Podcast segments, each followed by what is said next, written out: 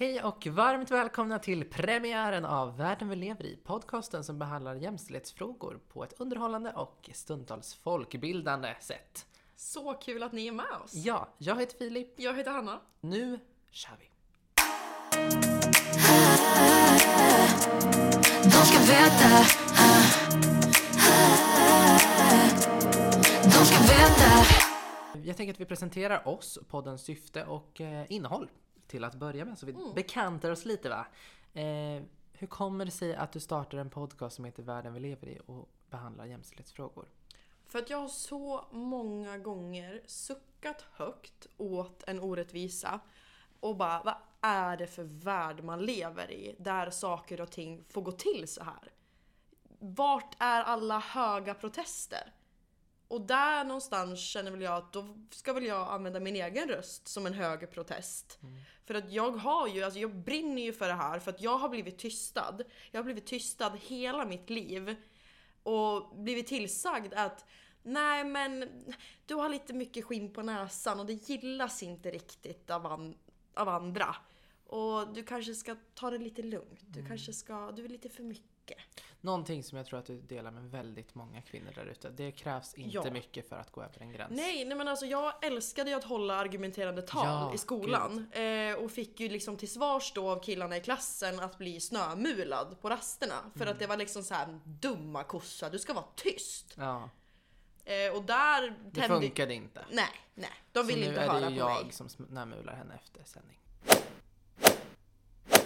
Nej men ja, argumenterade tal känner jag ju igen. För det är ju Mm. lite det du har praktiserat också i samtalen som vi har pratat om. Alltså vi har ju haft så sjukt eldiga diskussioner om det här Mm. ämnet där vi ja, men insåg att vi är i, i princip identiska värderingsmässigt Mm. i vart vi står. Att de här frågorna är så sjukt underminerade och vi kokar stundtals över Mm. att det inte får mer plats i både media och i den vardagliga men, mat ja, men middagsbordsdiskussionen liksom så.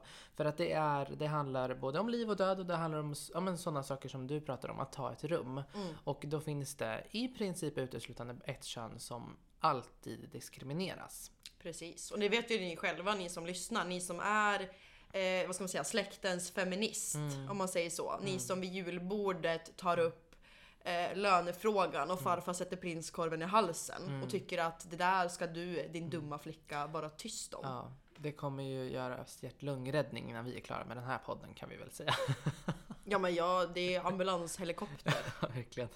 Nej men så att det är lite målet och ni som känner att ah, men jag är för tyst, jag borde, borde säga mer, jag borde stå på mig oftare. Mm. Det här är Eh, podden för er. This one's for you. Eh, verkligen. Det är vi för bara liksom några år sedan och Ja, eh, innan vi träffades i princip. Mm. Eh, har varit alldeles för tyst, alldeles för lågmäld Mm. i vad jag eh, står för och tycker. Eh, Ja. Också inför eh, mig själv. För att det handlar om att ta platsen, som du säger, att ha skinn på näsan. Eh, det är någonting att vara stolt över just Mm. för att eh, det gör att vi kan göra, skapa det vi gör. Ja, och jag vill ju göra det här för Hanna, 11 år, Mm. som fick höra att hon skulle vara tyst istället för att tala upp om det hon tyckte var orättvist. Mm.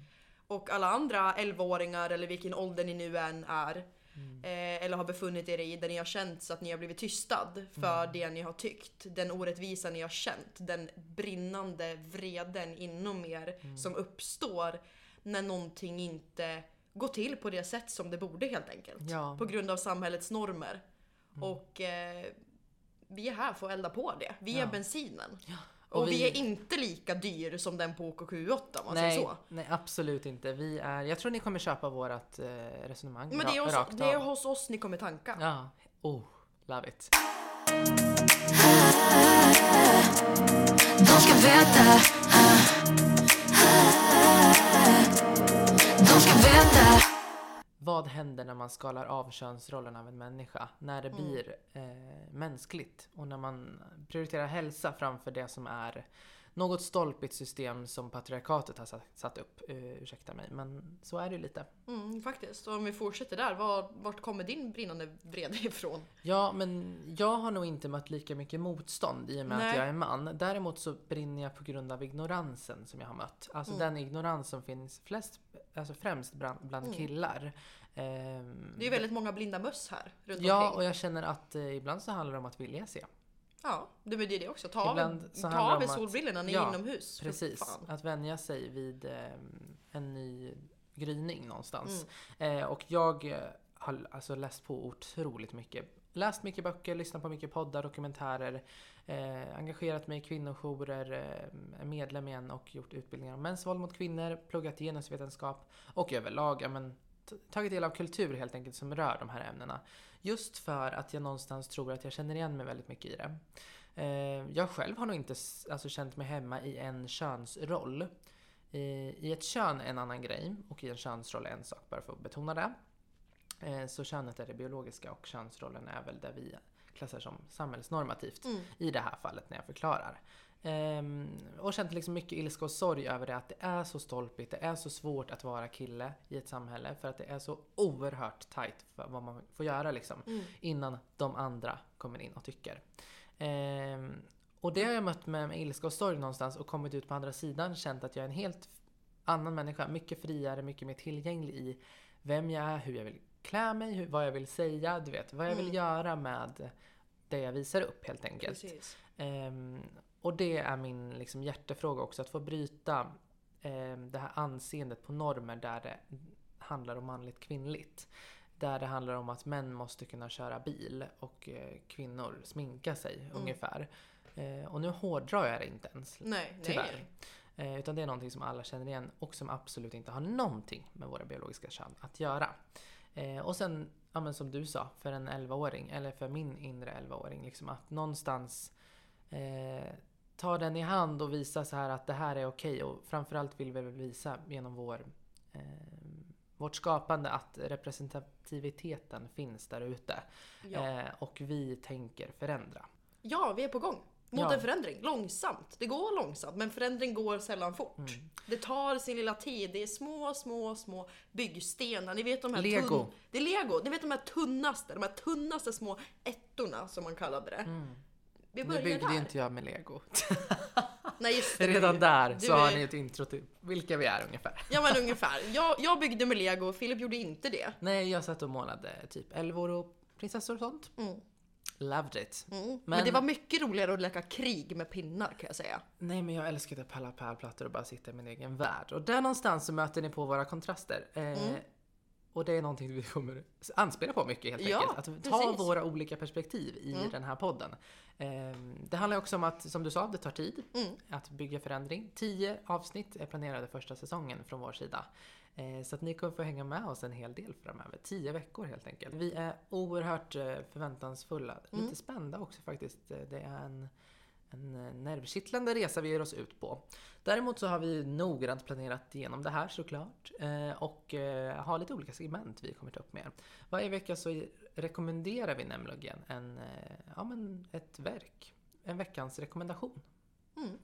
Där vi helt enkelt eh, tar fram ett verk som vi har läst, tagit del av på något vis och rekommenderar det för den som vill fördjupa sig i det här ämnet. Vi kommer även ha lite högläsning då och då. Ni vet en sån här sagostund. Man får ta en kopp te, äta lite frukt, luta sig tillbaka och känna mm, Hanna har ändå bra, bra textur i den där rösten. Precis, säger man och stoppar in en mandarin i käften. Ja men ungefär där tänker vi. Eh, så att, eh, ja, lite högläsning för att eh, någonstans knyta samman tillsammans med lite härliga personer som kommer ringas upp. Precis. Och i det här avsnittet så handlar det om allas vår Katarina Wenstam. Ja, en fantastisk eh, pionjär i, inom det här ämnet. Ja, det är eh, en stor förebild, verkligen. Hon har krattat manegen för eh, framtida jämställdhetsförkämpar, helt enkelt. Alltså det är... Hon har gjort eh, en livsgärning som förtjänar alla priser i världen. Verkligen. Eh, en eh, författare, journalist och före detta kriminalreporter som specialiserat sig ganska mycket på sexualbrott. Och ja, ehm, släppt släppte en poddserie som heter Vänstams vrede. Mer om den kommer ni få höra alldeles strax. Vi lanserar ju den här podden på internationella kvinnodagen och det är just av anledningen till att vi vill uppmärksamma den desto mer. Eh, och inget jävla grattis. Nej. Tack. För det är inget grattis att vara kvinna, det är inget grattis att vara förtryckt i ett samhälle. Jag vill inte ha, alltså... Jag, nej. Ja, nej. Och till er som bara, men vadå, vi förtryckta? Eh, att ha lägre lön till att börja med baserat på kön, det är ju en diskrimineringsgrund till exempel. Och sen har vi alla, all brottsstatistik, allt våld i hemmen, all utsatthet inom sjukvård och förlossningsvård till exempel. Det finns så många olika eh, aspekter i det här. Betalning inom idrottsvärlden, bara den delen är ju helt totalt katastrofal. Eh, och eh, den krigssituation som vi befinner oss i nu till exempel, där kvinnor är de som blir ja, mest utsatta i hemmen. Och stackars barnen såklart. Ehm, ja, det finns många paletter på den här skalan helt enkelt. Ehm, Verkligen, jag verkligen. tänker att det är viktigt att ha med sig en dag som denna. Mm. Att det Exakt. handlar om kvinnor över hela världen i alla samhällsklasser eh, och åldrar. Mm. Eh, det är en fin dag. Hur känner du liksom så här som kvinna idag? Alltså som, som kvinna idag, jag har ju väldigt, väldigt tur att vara född i ett land som Sverige Mm. som ändå är väldigt jämställt. Relativt. ja. Relativt jämställt. Vi har en bit kvar så kom inte att surra om att vi... Nej, men är relativt, färdiga. relativt sin omvärld är vi Mm. jämställda men relativt sett till vad kvinnor önskar och Mm. relativt till män Ja, så har inte kvinnor samma levnadsstandard. nej absolut inte. Och det är ju någonting du, man möter på hela tiden varje dag utan att man faktiskt tänker på det.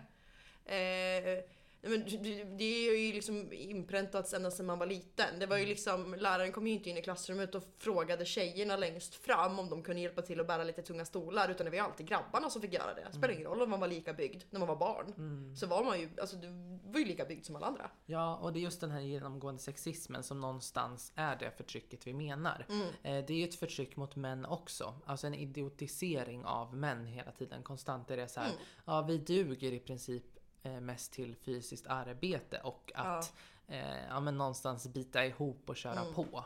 Ehm, och så är det inte och vi är absolut inte våldsamma all- alla heller. Nej. Det är ju mm, det är viktigt att ha med sig också att det förtryck som utövas är av män. Det är inte Mm. alla män, men det är av män. Och då är det därför viktigt att ni män som lyssnar idag eh, känner att ni är mm, med på tåget helt enkelt. Mm.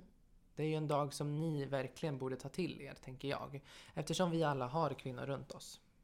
Precis, och det är... eh, Jag, kommer ihåg, alltså just kvinnodagen har varit, jag kommer ihåg när jag var yngre. Mm. Eh, för jag har ju alltid, alltså jag mötte ju på ehm, en, eh, vad ska man säga? En person i, min, i mina yngre dagar eh, som gav ett väldigt stort perspektiv på vad feminism och jämställdhet faktiskt är eller vad hon målade upp det att vara. Och jag fick ju liksom en inblick där och då att det här är någonting som jag vill ta del av. Det här är någonting jag vill kämpa för. Jag vill att alla kvinnor ska få vara en del i samhället på samma sätt som män är. Men man blev ju väldigt tystad. Jag var ju när jag var yngre så hade jag väldigt dålig självkänsla och vågade, jag vågade inte ens dela ett inlägg som liksom visade att jag stod, jag liksom uppmärksammade internationella kvinnodagen. Jag, jag vågade inte dela kvinnosymbolen på min Instagram för att jag var så, jag var rädd för att bli liksom stämplad som den här jävla feministen. Den här den här manshataren som bara trycker ner män. Fast jag egentligen bara ville vara sedd och hörd för det jag kunde, det jag tyckte, det jag ville säga. Ja, och det handlar också om så här ehm, att män tar åt sig just den delen. Stanna bara upp där en sekund och tänk vad det är kvinnor går igenom. Mm. Det är ju inte på något sätt i proportion till det förtryck du känner för en sekund när du känner, men vadå? Jag gör ju ingenting. Nej, men alla andra då? Du måste höja rösten för alla andra. Det är där det börjar. Det börjar med det här locker room-taket. Det här som det man blundar för. Din kollega drar ett sexistiskt skämt och du är bara tyst. Visst, då tycker du själv att du är inte en del av problemet för du säger ingenting själv. Nej, du, är in, du säger ingenting själv, men du säger heller ingenting åt den här kollegan som drar det här sexistiska skämtet. Den låter sig hållas och det är det här det börjar. Det är här liksom börjar normaliseras. Det finns ju en våldspyramid kallar man det. Eh, Jag tror att eh, vi har pratat om det här förut. Liksom att längst ner så börjar muntliga trakasserier Mm. Ja. som sen enklare övergår i fysiska trakasserier. Som sen stegrar i någonstans eh, grad. Ja. Ehm, I våldsamhetsgrad. Mm. Ehm, och högst upp så kan ni ju själva lista ut vad det, vad det innebär. Mm. Eh, och då är det kvinnor som är förtryckta och män som utövar det. Finns ju ingen existerande sexism från kvinnor till män. Nej. Inget som är ett samhällsproblem, inget som kostar staten så mycket pengar i fängelsestraff, rättegångar, olika typer av, ja, får man säga det, men, men sjukskrivningar, alltså Mm. självmord. Det handlar ju om mycket sånt också. Mm. Eh, Och då det, kan vi också nämna självmord som drabbar män på grund av samhällets normer. Ja, det är det jag tänker också. Så att, också. att eh, alla, all den sorg och sånt som finns Mm. inblandat i det här. Eh, det kostar vårt land och våra medborgare, vi medmänniskor i världen vi Mm. lever i, oerhört mycket Mm. att ha det här systemet ingrott. Eh, och det är något man måste få med sig för att jag märker, alltså sen jag slutade bry mig, så jag blev lite mer så här: no more fucks to give. Eh, hur mycket skönare det är att leva. Hur mycket Ja. skönare det är att bara strunta i att folk glor. Att Mm. strunta i liksom att någon stirrar på att man har nagellack. Att, någon, att strunta i, ja, men som du säger, att, Att ha det i preferin. att, ja, men, att bara strunta i Då folks åsikter när man delar ett inlägg. Mm. Det är ett privilegium, privilegium vi har att här, ens ha den åsikten, som Mm. du säger. Men att det ens dyker upp tyder ju på att patriarkatet inte alls är en bluff, om man säger så. Absolut inte. Man är ju begränsad. Mm. Det är man ju. Eh, jag känner ju inte att jag kan ta mig de friheterna som jag kanske skulle vilja. Nej. Jag känner ju att eh, jag varit med om att jag har sagt en sak och det har liksom viftats bort men min manliga kollega har sagt någon precis samma sak sekunden efter och det Ja. togs på största möjliga allvar. Mm. Och eh, där någonstans så får man ju gång på gång bevisat eh, för sig själv att eh, män får mer plats. De ges mer plats. Eh, både i yrkes, yrkesmässigt. Eh, Men det handlar om det vanliga rummet, som du säger. Ja. Bara så här att en man blir mer lyssnad på. ja. En man verkar professionellare än en Mm. kvinna. En man klär sig stereotypiskt och sen är kvinnan attiraljen. Alltså Ja. det här typiska systemet Nej, men det är ju liksom så här, en man kliver in i ett rum och han ges micken direkt. Det spelar ingen roll om det har stått 12 kvinnor Nej. där med så mycket och de vill säga. De får inte chansen till det. Du tar ju ofta upp det, liksom hur det ens kan vara så att man håller varandra om ryggen så. Mm. Och jag tänker också på de kvinnor som hela tiden legitimerar det här.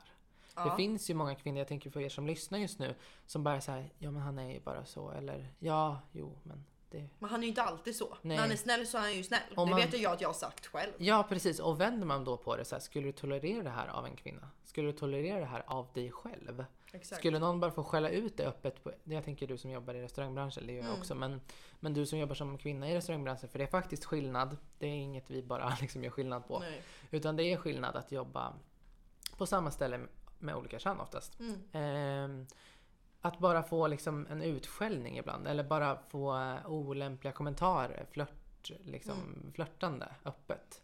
Eh, den typen av grejer är ju eh, någonting som man måste markera emot. Mm. Och vissa blir åh, åh gud vad kul, alltså så, blir Ja. lite så glada. Men jag tror verkligen ingen blir glad. Och jag Nej. får ju inte det på arbetsplatsen.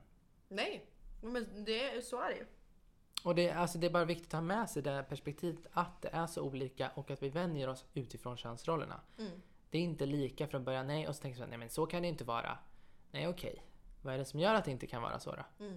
Och då är det ju liksom könsrollerna och vad det är Ja, som men det, här, det är som redan, det finns ju regler, mallar Mm. på hur man som männis- människa ska leva i samhället utifrån sitt kön. Mm. Det finns ju liksom Och man får ju bryta det, det är ju inget straff på det. Som Nej säger, alltså absolut så. inte, absolut inte. Men det finns ju förväntningar Mm. på mig, lika som det finns, fanns för dig när du var liten. Mm. För du kanske inte ville bära de där tunga stolarna som du förväntades göra hela tiden. Nej, och det, det handlar ju mycket om att, det, ja, men som vi pratade om, att män är ju ett, både problemet och lösningen Mm. på det här. Att förstå vad mansrollen kan göra och hur vi förändrar den. Alltså att man säger så åh vilken cool kille! Mm. Sådär. Och så säger man, nej men gud vilka söta flätor. Mm. Eh, och redan där har man liksom fångat någonstans här, varför ska killar alltid vara coola, starka och tuffa medan tjejerna alltid ska vara söta, tysta och behagande? Mm. Jag vill vara tuff. Jag du är tuff. är tuff. Jag är en tuff. Och jag är en mes. Jag vet. And I'm proud over it.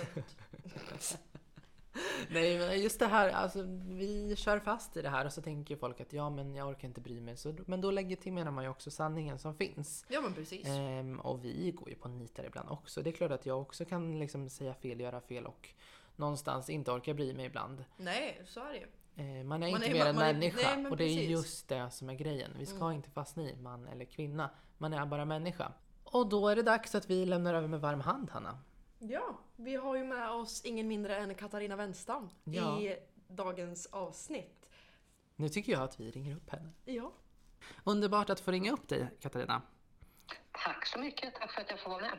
Verkligen en pionjär som vi sa. Eh, så att vi tänkte förhöra dig lite grann på vad jämställdheten betyder för dig helt enkelt. Den, den där lilla frågan. Ja, eller hur? Så det blir som en crash course i här vad eh, du har gjort för vårt, eh, vårt personliga engagemang och för det kollektiva ämnet helt enkelt. Så att eh, Hanna, go for it. ja. Vi fortsätter där på gällande engagemanget. Då. Vad, vad är det som motiverar dig att hålla engagemanget brinnande? Vad, vad har du i din bensin? Ja, men precis. Jag brukar säga att det är välriktad vrede. Vrede är ju... Jag jobbar ju eh, som författare och en gång i tiden var jag kriminalreporter så jag har ju liksom ägnat mitt yrkesliv åt att å ena sidan titta på de destruktiva effekterna utav vrede men samtidigt så kan jag också se att när det gäller mitt eget engagemang så är det ju faktiskt så att också konstruktiv vrede är någonting som jag använder mig utav för att just berätta om våld och orättvisor och effekterna utav mäns våld mot kvinnor och, och, och sådär. Så att det, eh, ja, men det är någonting som jag liksom har verkligen som, som bränsle skulle jag säga, att man kan faktiskt använda sig utav ilska över orättvisor och, och just för att jag tänker så här, det är så många som många gånger tänker så här att de blir helt, de blir helt uppgivna. De känner att det, liksom, det, det går inte att göra någonting. Och där brukar jag säga att jo, det gör det, gör det visst. Det, det är verkligen så här att det, det går att använda sin ilska över orättvisor till att faktiskt vara med och förändra. Fina ord. Jag tänker på din poddserie Wenstams vrede till exempel när du pratar om just den heliga vreden som någonstans också är konstruktiv. Men hur är det egentligen att dagligdags vidröra det här ämnet som stundtals ja, men, klassas lite politiskt och aktivistiskt får man ändå säga. Ja, alltså jag skulle nog säga att det som är de tunga bitarna möjligtvis med att vara i de här ämnena varenda dag, det är ju att det stundtals är verkligen så att jag kan känna en, en hopplöshet eller en, en uppgivenhet över att det här är ändlöst. Även om jag har en, en vilja att förändras så är jag ju inte dummare än att jag förstår att mäns våld mot kvinnor kommer att bestå. Men jag tror också väldigt starkt att det går att göra väldigt, väldigt mycket åt saken. Alltså i, i form av att liksom åtminstone ha med sig någon slags nollvision även om jag inte liksom tillhör de kanske naiva som tror att saker och ting kommer liksom bli, bli bra över en natt. Så, så um, är det ju ändå så att det liksom, saker blir långsamt bättre. Och där, alltså jag börjar ju liksom bli lite till åren, höll jag på att säga, men om två år fyller jag 50 och jag kan ju liksom se att under de dryga 25-27 år som jag har jobbat med de här frågorna så har det ju verkligen i det liksom längre perspektivet då, när man rör sig över liksom mer än två decennier, då kan jag verkligen se så att äh, men det har verkligen förändrats till det bättre. Och sen är det en jäkla massa bakslag längs med vägen. Men jämför jag hur det var att börja jobba med de här frågorna. Jag började jobba på SVT 1997, bevakade mina första rättegångar om sexualbrott i den vevan. Och alltså det kompakta ointresse som fanns i, bland journalister, i media, hos allmänheten kring tjejers och kvinnors utsatthet. Det var, det var verkligen liksom på många sätt en annan värld än vad det är idag. Och det tycker jag liksom är viktigt att ha med sig när man tycker att det känns som att det bara är bakslag bakslag. Så. Viktiga ord, verkligen. Mm, Eh, ja. Det är- ger både hopp och eh, mer bensin så att säga. Mm. Mm. Jag eh, undrar, när, när, när fick du nog? Jag vet att jag fick nog när jag fick höra i mellanstadiet av min lärare att ja men du har lite skinn på näsan men det gillas nog inte av alla. Och då, då kände jag liksom att där, där tände det till för mig. När... Jag tror att det var... Å ena sidan så var det högstadiet för mig där jag själv märkte att jag som tjej behandlades annorlunda än mina Mm killkompisar. Så där tror jag att det väcktes någonting. Men jag som då är född 73 och uppvuxen och var tonåring på 80-talet när feminismen var liksom en icke-fråga på många sätt hade nog inte liksom ord att sätta på, att liksom, att sätta på det jag upplevde då. Att liksom det här är en feministisk vrede, utan det kan jag se liksom nu som vuxen i efterhand att det, vä- någonting väcktes hos mig då under liksom högstadieåren. Men sen skulle jag nog säga att det var när jag började som journalist där i slutet på 90-talet och bevakade våldtäktsrättegångar och såg hur otroligt mycket utav liksom, skammen för de här brotten inte landade på gärningsmännen utan på tjejerna som hade blivit utsatta. Det var de som, fick, som blev ifrågasatta för sitt beteende. Det var de som blev ifrågasatta för sin klädsel.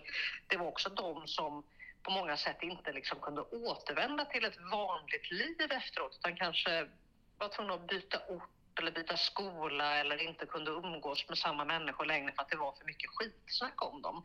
Eh, och då var de offer, inte gärningsmän. Så där tror jag liksom att det blev väldigt, väldigt tydligt för mig under de åren med de här våldtäktsrättegångarna att här är det någonting som verkligen är helt åt helvete. Mm. Det är vi eniga om kan jag säga. Ehm, men vad tror du behöver göras idag då? Nu när vi sitter här, vad tror du liksom är frågan som är mest aktuell och viktig i dagsläget? Alltså det där är ju så otroligt svårt att säga för att det är liksom inte en fråga. För att om man bara tar där vi befinner oss här och nu i månadsskiftet februari-mars 2022 så handlar det ju både om till exempel frågor som handlar om rättsväsendet i Sverige och vad som fortfarande finns kvar att göra när det gäller synen på tjejer som har blivit utsatta för, för övergrepp eller synen på straff eller den straffrabatt som många gånger finns för gärningsmän. Men samtidigt så, liksom, så är det ju liksom jämställdhet och kvinnors villkor är ju också en global fråga. Jag sitter just nu till exempel och försöker verkligen läsa in mig på hur är situationen i Ukraina för alla de kvinnor som flyr. Eh, som, så det, är liksom, det går ju inte att säga så här att men allting bara handlar om våldtäkter eller allting handlar bara om, om kvinnor på flykt eller så utan allting går ju ihop på något sätt. Liksom. Och det är det som gör att man ibland också kan känna sig helt så här knäckt utav att det är så mycket. Men där brukar jag ofta tänka att ja, men alla kan också liksom välja. Alltså det, liksom, det går, en person kan ju inte rädda alla över hela jordklotet. Man kan välja att i perioder fokusera på olika saker eller att vara mer påläst på ett eller annat ämne eller sådär. Men, men ehm, det är viktigt att komma ihåg att det liksom är det, vi, vi behöver strida på ganska många fronter. Ja, det finns, det finns en del att jobba på. Och det är därför Ja. vi sitter här idag, Ja. helt enkelt. Precis. Men eh, vad vill du säga till alla som är rädda för att kalla sig feminister? För det känns ändå att det finns många som kanske brinner för det här, har engagemanget inom sig men inte vågar ta fram det. Ja, alltså för mig så är det ju liksom, jag börjar bli tillräckligt gammal för att fullständigt skita i vad folk tycker. Men jag förstår att om man liksom är Eh, och går på en skola och känner att man är engagerad i feministiska frågor men samtidigt blir liksom stämplad som någon slags manshatare för att man är engagerad i arbetet liksom, mot mäns våld mot kvinnor eller för jämställdhet mellan kön så kan det kännas ganska hopplöst. Liksom så.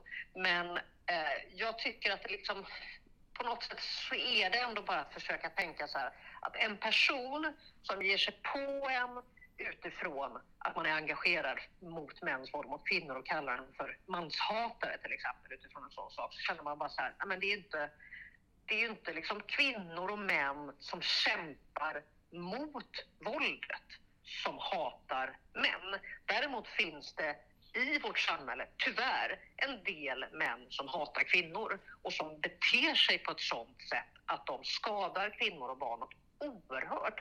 Och om man, om man liksom hört talas om våldtäkter eller om, om mäns våld mot kvinnor eller andra liksom uttryck för det här förtrycket och så snöar man in på att man själv känner sig kränkt över att bli utpekad. Då tänker jag att då är det ändå någonting som liksom skaver. Att, att liksom den personen har ju mer problem än jag som kallar mig för feminist. Eh, och att det kanske ibland så är det också så tufft att man... Ja, men jag ger upp på folk ibland också. Det kan ju låta jättetråkigt men jag känner ibland så här att så här, nej, men det är inte min sak att övertyga dig, lilla troll på nätet, om att liksom, att feminismen inte är något hot mot dig. Om inte du kan förstå det så, så här, sorry, jag har viktigare saker för mig. Liksom så faktiskt. Att det är, de, de tar ju mycket syre och förflyttar fokus från det som verkligen spelar roll på något sätt. Så att ibland tänker jag också så här, lägg inte så mycket energi på de där. Liksom, det, ha, ha fokus inställt på målet där framme istället. Och så kommer det alltid stå folk bredvid och, och, och tjattra och eh, säga saker och liksom känna sig kränkta eller liksom sådär. Men, men det kanske inte är just dem du ska lägga din energi på för du har väldigt... Är du engagerad i de här frågorna så har du viktigare saker för dig. Så älskvärda svar Katarina. Tack snälla du för din medverkan. Så oerhört kul att få ha med dig ett litet panelsamtal här. Stort lycka till! Ja men tack Tack så detsamma. jättemycket. Ha det så bra. Ha det bra. Hej då. Hej hej. Hej! De ska veta De ska veta Vi vill ju också passa på, vi har veckans rekommendation för första gången då i podden.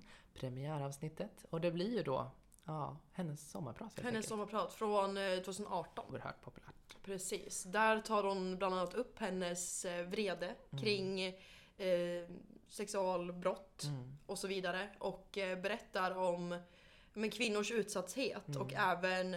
Vart Eh, skammen ligger. Ja, Det är mycket där hennes böcker, både Flickan och skulden, Flickan och skammen har hon släppt. Och där, där får man liksom en crash course i vad vi behöver jobba med just när det kommer till den normativa skuldbeläggandet till exempel.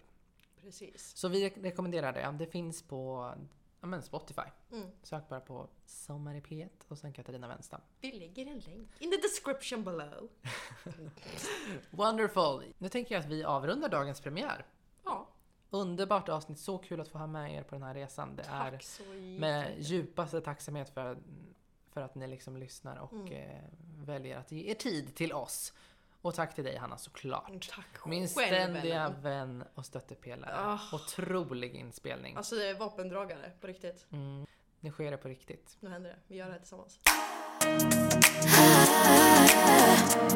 De ska veta